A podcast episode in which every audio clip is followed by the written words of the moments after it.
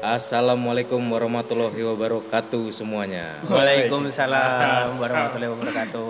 Kebetulan muslim semua ya. Selamat dini hari. Oh, kowe udah muslim, Bo?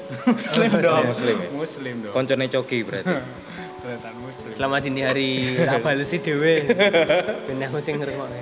Ya, selamat dini hari teman-teman semua. Ini podcast perdana kami bertiga. Para Privian yang gabut ini. Gabut. Gabut banget ya kayaknya ya. Dan kita mencoba podcast nih. Untuk tema kali ini perdana ini mungkin kita akan membahas mengenai kerja di masa pandemi. Nah, sebelumnya mungkin kita perkenalan dulu. Dari aku pribadi, nama aku Dimas Ananda Putra, biasa dipanggil James. Monggo, Mas. Kalau aku Holid Aku Rudi. Rudi Ya. Simorangkir. Biasa dipanggil Rudi ya. Iya, iya. Oke, oke. Nah, teman-teman, untuk eh, sebelum kita membahas podcast kali ini, mungkin kita akan membahas latar belakang masing-masing lah dari eh, apa namanya ya, track record kita atau pengalaman kita di bidang pekerjaan sebelumnya eh, sebelum kita akhirnya bersama-sama di Privi ini. Mungkin dari aku pribadi dulu, aku dulu itu kerja di sebuah web store di Jogja. Ya, cuma itu pengalamannya. Singkat ya. Singkat. Singkat. Singkat, padat, nggak jelas. berpengalaman dia. Iya, monggo Mas Solid selanjutnya gimana nih pengalamannya sebelum di Privi ini, Mas? kalau sebelum di privy itu eh, di ini di media media kecil di Semarang Oh, itu sih sama pernah di eh, media yang cukup besar di di lingkungannya sih tapi di Jogja cuman cuma beberapa Media- bulan media beberapa cetak ya? bulan online sih Oh, media lebih ke online. online Ya, media online. Aku nih ya. kalau saudara Rudi saudara resmi banget. Kalau aku kerjanya sebelumnya di anu di di, di startup ya, masih startup ya. Startup gak sih itu? Yang apa nih? Yang mana nih? Jual beli online gitu. Oh ya, startup itu. Iya. Yang yang logonya warna oranye terus tengahnya S itu. iya ya, Superman ya? Superman. paham Superman, paham, ya, paham. dia paham Iya, paham. Itu pengalaman cuma sebulan sih, nggak betah karena iya nggak- iya oke ya nggak betah ya karena ada sesuatu lah. Terus yang kedua kerja di perusahaan yang di bidang jual beli online juga, tapi lebih ke penjualan tiket pesawat, hotel dan sebagainya. Oh. Yang ada lambang titik kuning itu pokoknya. Ya itulah pokoknya. Lambang titik kuning. Ya monggo lah teman-teman Iya. bisa menerka-nerka lah yang udah tahu pasti jawabannya kayak apa ya. Setelah itu di sini di preview. Akhirnya di Privi ya. Di preview. Join date-nya kapan Mas di Privi nih, Mas Karim? Join date Mas Karim, Mas Rudi ya berarti sekarang. Iya, Rudi. Iya, Rudi. Rudi Makarim Kalau Rudi Makarim. magang mulai November akhir, magang. November akhir. Terus masuk probation tuh Januari awal tanggal 4, 4 Januari. Kan kalau di sini kan tiga bulan probation baru diangkat pegawai tetap ya. Ya. Set ya dari itu Januari tanggal 4 terus tiga bulan diangkat pegawai tetap sampai sekarang. Jalan hampir 8 bulan lah. Lumayan udah paling lama itu kerjaan gue di sini. hampir setahun lah. Dari Mas Khalid mungkin? kenapa tuh Ya join date-nya di sini di Privi nih. kalau di privy itu awal masuk kalau nggak salah tuh awal April Senior ya. Maret April April 2000 berapa ya 19 kalau nggak salah Oh, iya. Lama Dua juga. tahun lah. Hampir Iya. dua tahun. Hampir tiga tahun. magang terus sampai masuk probation tuh Juli Oh, Juli. Magangnya berapa bulan waktu? dua bulan setengah apa ya? Dua bulan. Dua bulan setengah. Kantornya sudah di sudah sini? sudah 2019 kayak udah di sini Karena sebelumnya kantornya bukan di sini ya, di di daerah Jogja bagian utara ya, bukan di yang kantor Simpang. kurang tahu sih kalau Oh, yang dulu dulu oh, yang kurang cuma pernah denger Pernah dengar. kayak gitu Pernah dengernya kayak pernah dengernya kayak gitu Oke mungkin itu aja sekilas latar belakang kita ya. Kalau aku kayaknya nggak perlu karena di sini tugasku sebagai moderator aja lah. Biar Moderator. kita asik-asik ngobrol gitu ya. Soalnya debat presiden ya. ada moderatornya Pertanyaannya mana nih kalau disiapin? ini aja sih kayak pengalaman dari masa sebelum pandemi sampai pandemi kayaknya pernah ngalamin tuh dari kerja sebelum pandemi sama setelah pandemi ada ada bedanya atau gimana Oh ini jatuhnya malah kayak curhat ya jadinya. Iya nggak apa-apa. Jadi gini mas. nggak usah sedih Oh, juga usah nggak usah di- Jadi gini, kalau dulu kerja di vape store di Jogja itu ya bisa dibilang lumayan menjanjikan. secara secara pendapatan ya. Secara pendapatan, secara insight di bagian sosial medianya, terus loyal customernya. Tapi ya karena pandemi ini ya kerasa banget efeknya. Memang ya namanya pandemi ini kan efeknya ke mana-mana ya mas ya. Kayak misalnya ke ekonomi juga terus ke pendapatan ya ekonomi itu tadi. Terus juga customer yang loyal tuh tiba-tiba ngilang ya mungkin entah mengalami hal yang sama keterpurukan yang sama jadinya ya sepi. Dan juga ada beberapa masalah lah dengan atasan akhirnya dari aku ngambil sikap ya udah keluar kayak gitu. Jadi pas PSBB sempat tutup juga tutup. Atau toko nakal sih sebenarnya oh nakal. nakal Jadi, jadi, tetap buka gitu. tetap buka ada pol pp ya baru ya ini kita fair fairan aja ya karena memang eh, bukan rahasia umum lagi kayak gitu Hmm, gitu. Oh pengaruh juga ya di industri vape gitu. pandemi? ngaruh ngaruh banget bahkan nih kalau bisa aku cerita updatean terakhir snapgram terakhir di toko itu barang sudah kosong entah mana Oh. entah tutup kah atau pindah kah ya kurang tahu juga tapi memang untuk efek pandemi ini kita balik ke topiknya ya benar-benar kerasa sih dari mungkin pendapatan yang bisa sehari kalau bisa disebut nominal bisa kepala ya digitnya 7 sekarang kalau yang aku dengar dari yang masih di sana teman yang masih di sana ya sebulan aja bahkan digitnya cuma 5 Oh Gitu. digit tujuh. Oh digit tujuh Sebulan. berarti. Oh ya. ya ratusan ribu doang seperti itu ya kerasa efeknya Jauh banget ya. Emang enggak walaupun segitu UMR Jogja juga rendah ya. UMR, UMR terendah bukan sih se Indonesia Jogja? kurang tahu sih kalau Oh ya, kasihan ya. Yang nikah nikah gitu.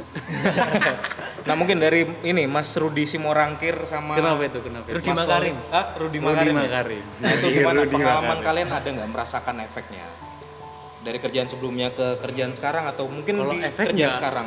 kalau kalau di bidang usaha yang kantor apa gimana ya bahasanya? Nggak ada sih efeknya. Soalnya aku kerjanya juga bulanan nggak ada pemotongan secara gaji. Karena efek pandemi itu nggak ada. Kalau Pemutusan ini misalnya pemutusan karyawan. kalau pemutusan karyawan di perusahaan sebelumnya kayaknya nggak ada deh.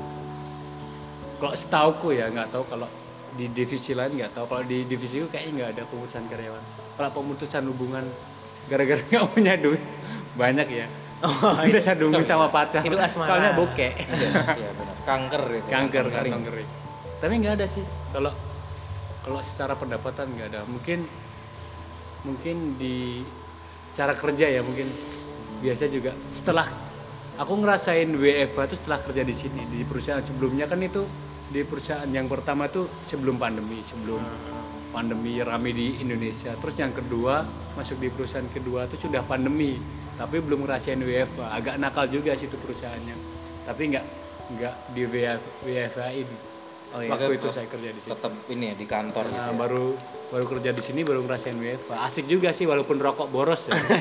ya kan? kita bisa ngerokok bebas kalau di rumah kan rokok boros tapi enaknya nggak nggak usah mandi dulu kalau kita shift pagi kan kita aja btw kita kerjanya shift ya shift I see, I see. ya Nah mungkin sekarang dari Mas Kolit ya, karena kan kalau kita dengar dari latar belakangnya tadi kan berarti Mas Kolit sudah berada di Privi ini dari sebelum bahkan pandemi, sebelum pandemi. Nah, Bahkan jauh Iya. jauh apakah sebelum pandemi. merasakan efeknya gitu saat pandemi di Privi ini? ya paling dari jam kerja ya dari jam kerja kan ada ada perubahan kalau dulu tuh jam kerja eh, ada 9 jam kerja satu jamnya itu jam istirahat. Oh kalau sekarang tuh 8 jam ya 8 jam 8 dengan jam baru setengah jam setengah jam istirahat gitu loh. Rasanya kayak cepet banget cepet banget cuma dua batang rokok ya. Satu batang kalau Oh, super. satu batang ya kalau saya super. ya. Oh, iya, iya. sorry. Kayak gitu. Kalau misalkan ngerasain ada WFH juga gitu kan ngerasain WFH cuman kalau sebelumnya tuh udah pernah ngerasain WFH sih. Soalnya kan aku kerja di media tuh. Oh pas WFA? Oh WFA. Di Tapi bukan karena karena efek online. pandemi ya. Iya, oh, emang kerjanya eh, bisa di mobil. mobil ke mana-mana gitu kan ibaratnya kayak misalkan waktu di Semarang tuh aku hampir satu bulan tuh di Jogja jadi nyari berita nulis artikel tuh di Jogja gitu Keren ya. Kenapa nggak lanjut tuh? ya karena ada masalah lah ya Oh ada masalah. masalah Oh masalah. biasalah Biasa. Salary ya. salary ya karena masalah salary biasa lah tau lah Kenapa? sama kayak lingkungannya tuh kurang kurang cocok gitu Oh, karena Kenapa? Satu bulan di Jogja tuh setelah itu kan di Semarang sebenarnya tuh kayak kurang paham lingkungan itu loh Dulu kuliah di Jogja ya. kuliah di Jogja Aslinya mana aslinya? Aslinya, aslinya Cilacap Cilapop. Cilacap. aslinya Cilacap kuliah di Jogja Kuliah di Jogja.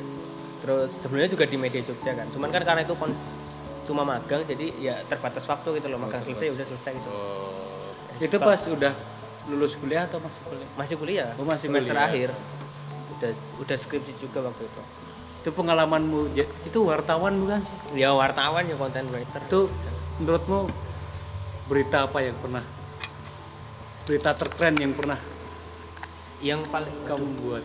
tiba-tiba berita terkeren ya Iya, random kan. soalnya kalau dulu tuh kalau sistemnya magang magang dulu tuh ini sih ibaratnya kayak eh, karena media lokal kan Oh, kita blow up lokal. di, di lokal gitu ibaratnya kalau yang paling paling aku ngerasa berdampak tuh kayak soal ini kayak eh, ada orang yang dari Papua dia antar anaknya berobat sampai ke sini gitu lewatin beberapa Oh, ibaratnya itu soalnya yang bikin bangga itu sampai masuk kaskus gitu loh itu sih sama di blow up di media nasional. itu berarti. Heeh. itu berarti Mas Kolit sendiri yang bikin berita. iya ya aku sendiri aku yang nyari Kerja personal gitu ya. kerja personal itu itu nyari nyari sebenarnya di di kayak apa sih? Kayak misalkan eh, status Facebook ada orang tolong bantu. Gitu kan ya diulik ya cara kerja media sekarang lah gimana? Oh, cuman kalau masalah eh, dan kerja media kan nggak kayak ini sih. Ibaratnya kayak lo kalau kita punya kontak kita bisa hubungin bisa kerja dari mana aja gitu loh. Bisa lewat media telepon kan udah lebih gampang sekarang kok. Kayak gitu nggak harus ke lapangan. Cuman ada beberapa kasus kan harus memang harus ke lapangan kan cuman waktu itu juga belum pandemi sih jadi kurang bisa tahu rasanya Berarti kalau untuk kerjaan sekarang ya bisa kita ambil kesimpulan kalau di Privi saat ini ya tidak terlalu berdampak lah ya pandemi ini. ya paling ke jam kerjanya aja jam sih. kerja tadi dari 9 jam jadi 8 jam, istirahat dari satu jam jadi setengah jam gitu ya. cara pendapatan enggak lah ya. Ya enggak lah, aman. Aman. Nah mungkin sekarang kita bahas secara global aja dikit lah ya. Kayak misalnya banyak lah kita lihat berita tuh efek-efek pandemi ini seperti apa dari yang dagangan sepi, dari yang contohnya aku sendiri tadi di kerjaan sebelumnya sekarang updatean terakhirnya seperti itu yang tadi aku cerita. Nah itu menurut teman-teman gimana sih dari Mas Karim dan Mas Kayak- Rudi nih efeknya saat ini? kayak kalau eh, buat pekerja-pekerja perusahaan tuh masih ini ya masih bisa survive mungkin ya kalau Iya, untuk masih perusahaan bisa itu.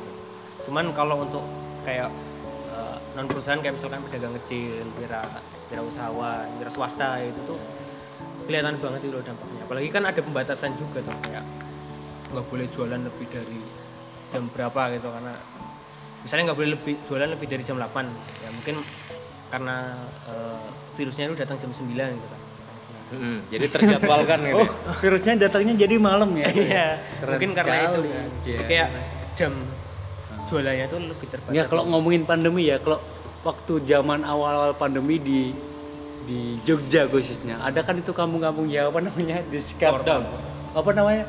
Yang bahasanya ditulisin lockdown lockdown. Itu efeknya apa ya coba aja. pembatasan wilayah gitu. Iya tapi ditutup. Terus ada spanduk-spanduk. Padahal mereka pas pasang-pasang spanduk itu juga kumpul-kumpul rame loh. Ya mungkin itu pembatasan ini sih lingkungan luar. Oh. Secara dampak nggak tahu ya. Secara tamu nggak tahu ya.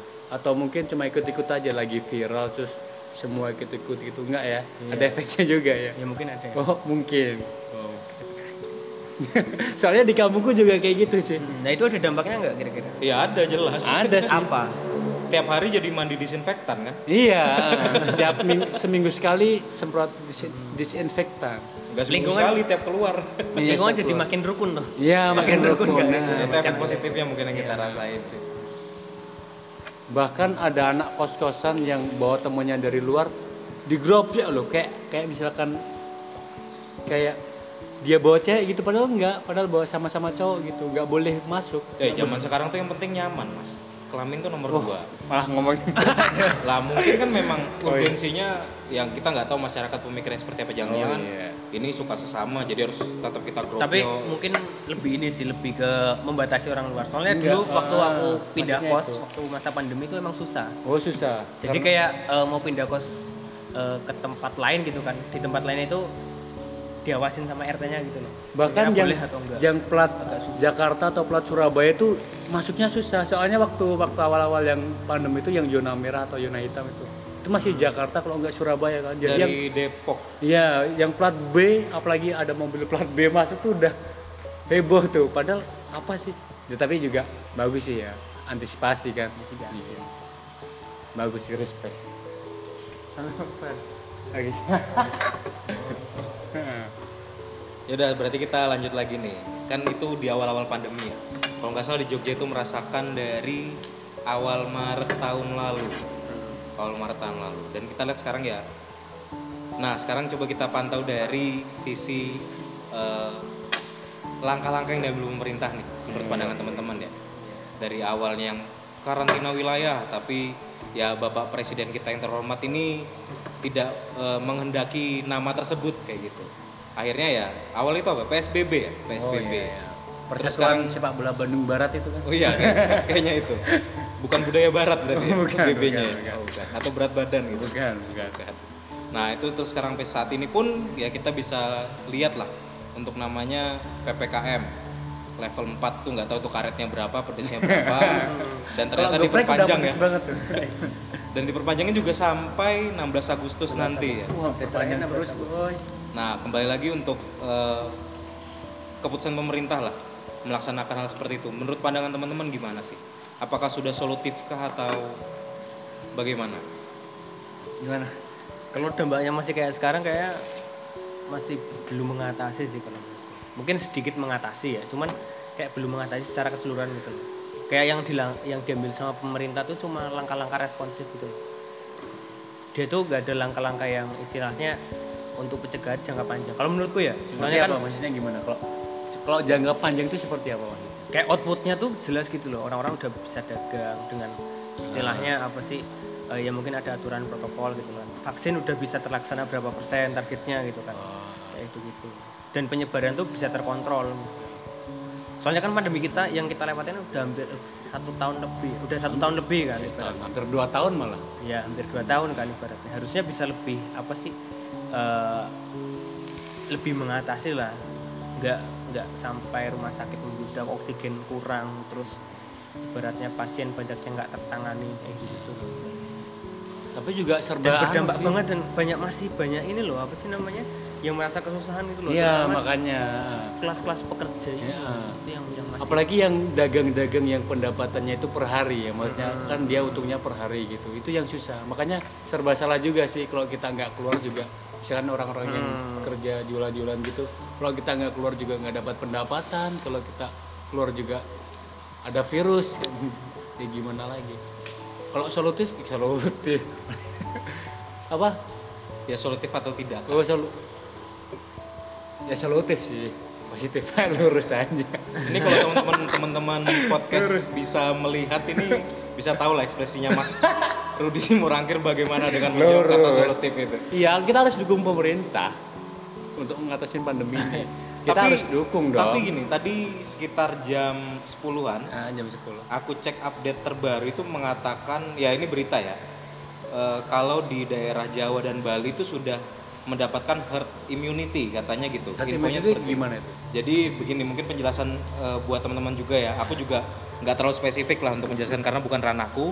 Yang aku tahu tentang herd immunity itu misalnya nih ada virus A datang ke suatu wilayah. Orang ini makin lama terkena terkena terdampak terdampak terdampak kena virus ini sampai 100%, tapi setelah itu mereka imunnya bisa mengatasi.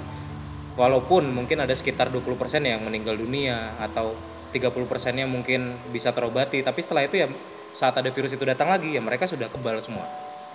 Jadi yang di- dimaksud herd immunity kira-kira seperti itu gambarannya. Jadi otomatis kalau berdasarkan dari berita tadi itu mengatakan Jawa dan Bali sudah mencapai herd immunity berarti ya sudah anti dari corona seperti itu.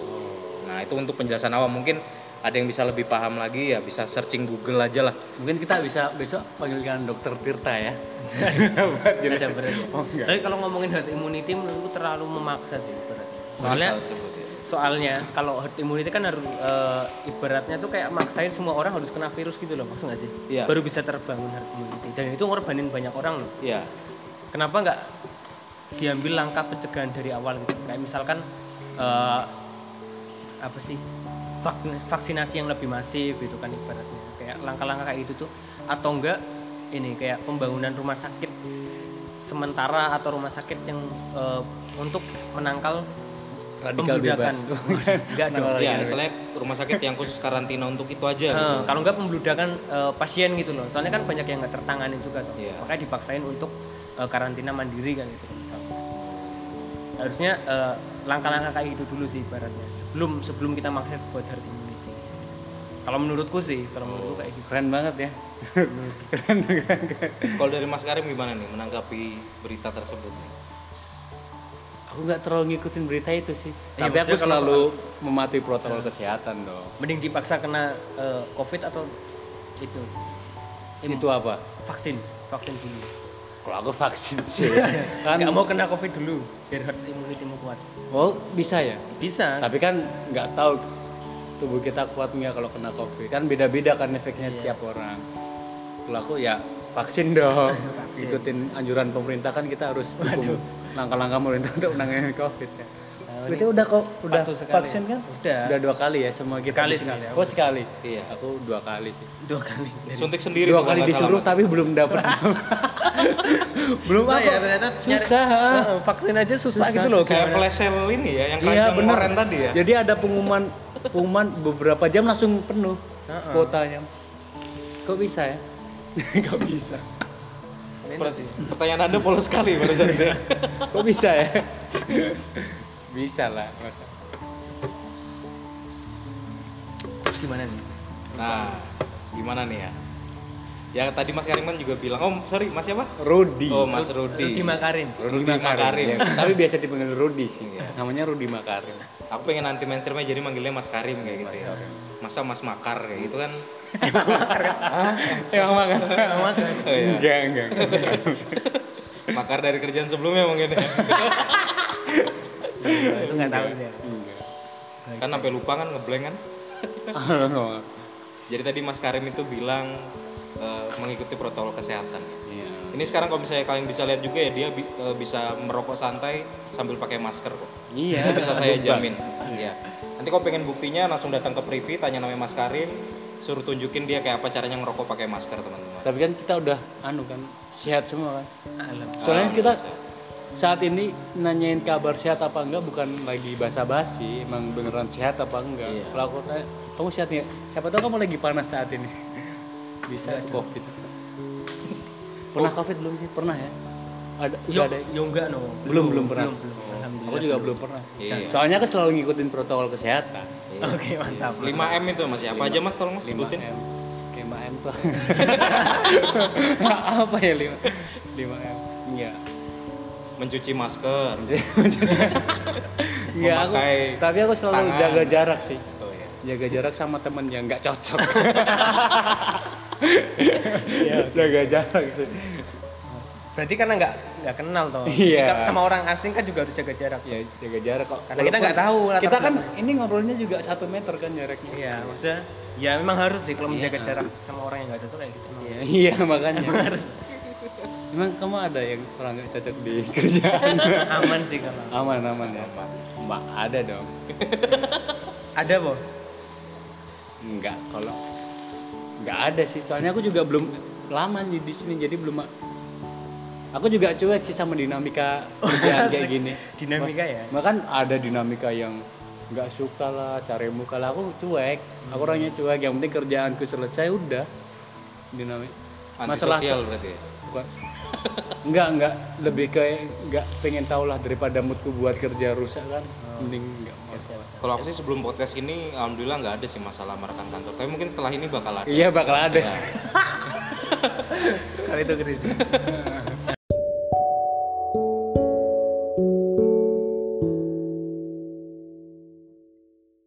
Lebih ini aja apa efeknya?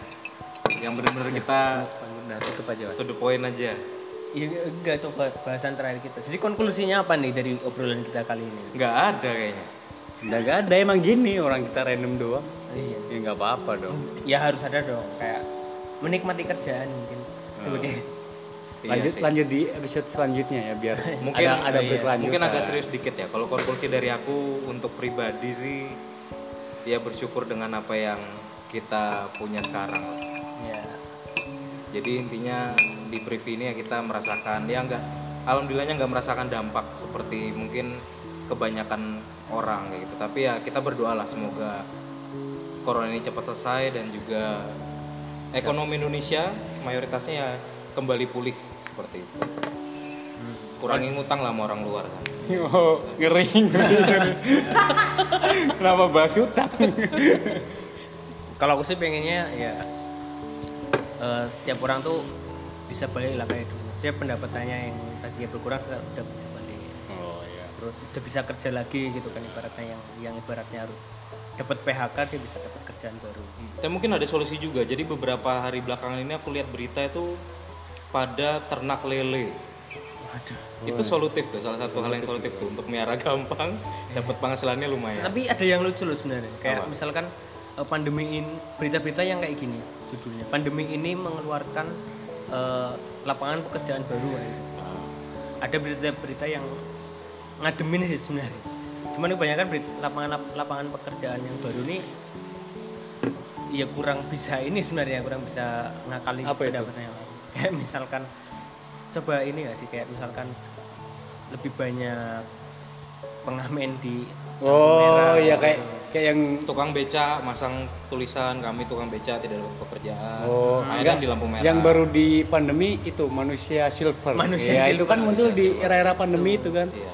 Itu itu. langsung awal-awal lihat tuh di Bandung kayaknya. Mbaknya yang munculnya di Bandung kayaknya. Di Awal-awal. Jogja juga udah banyak Iya, kan? Jogja udah banyak. Maksudnya miris sekarang. gitu loh lapangan pekerjaan baru menciptakan lapangan kerja baru tapi yang Ya, seperti itu. Eh, eh, maksudnya yang pendapatannya bahkan lebih nggak menentu gitu loh ibaratnya kan.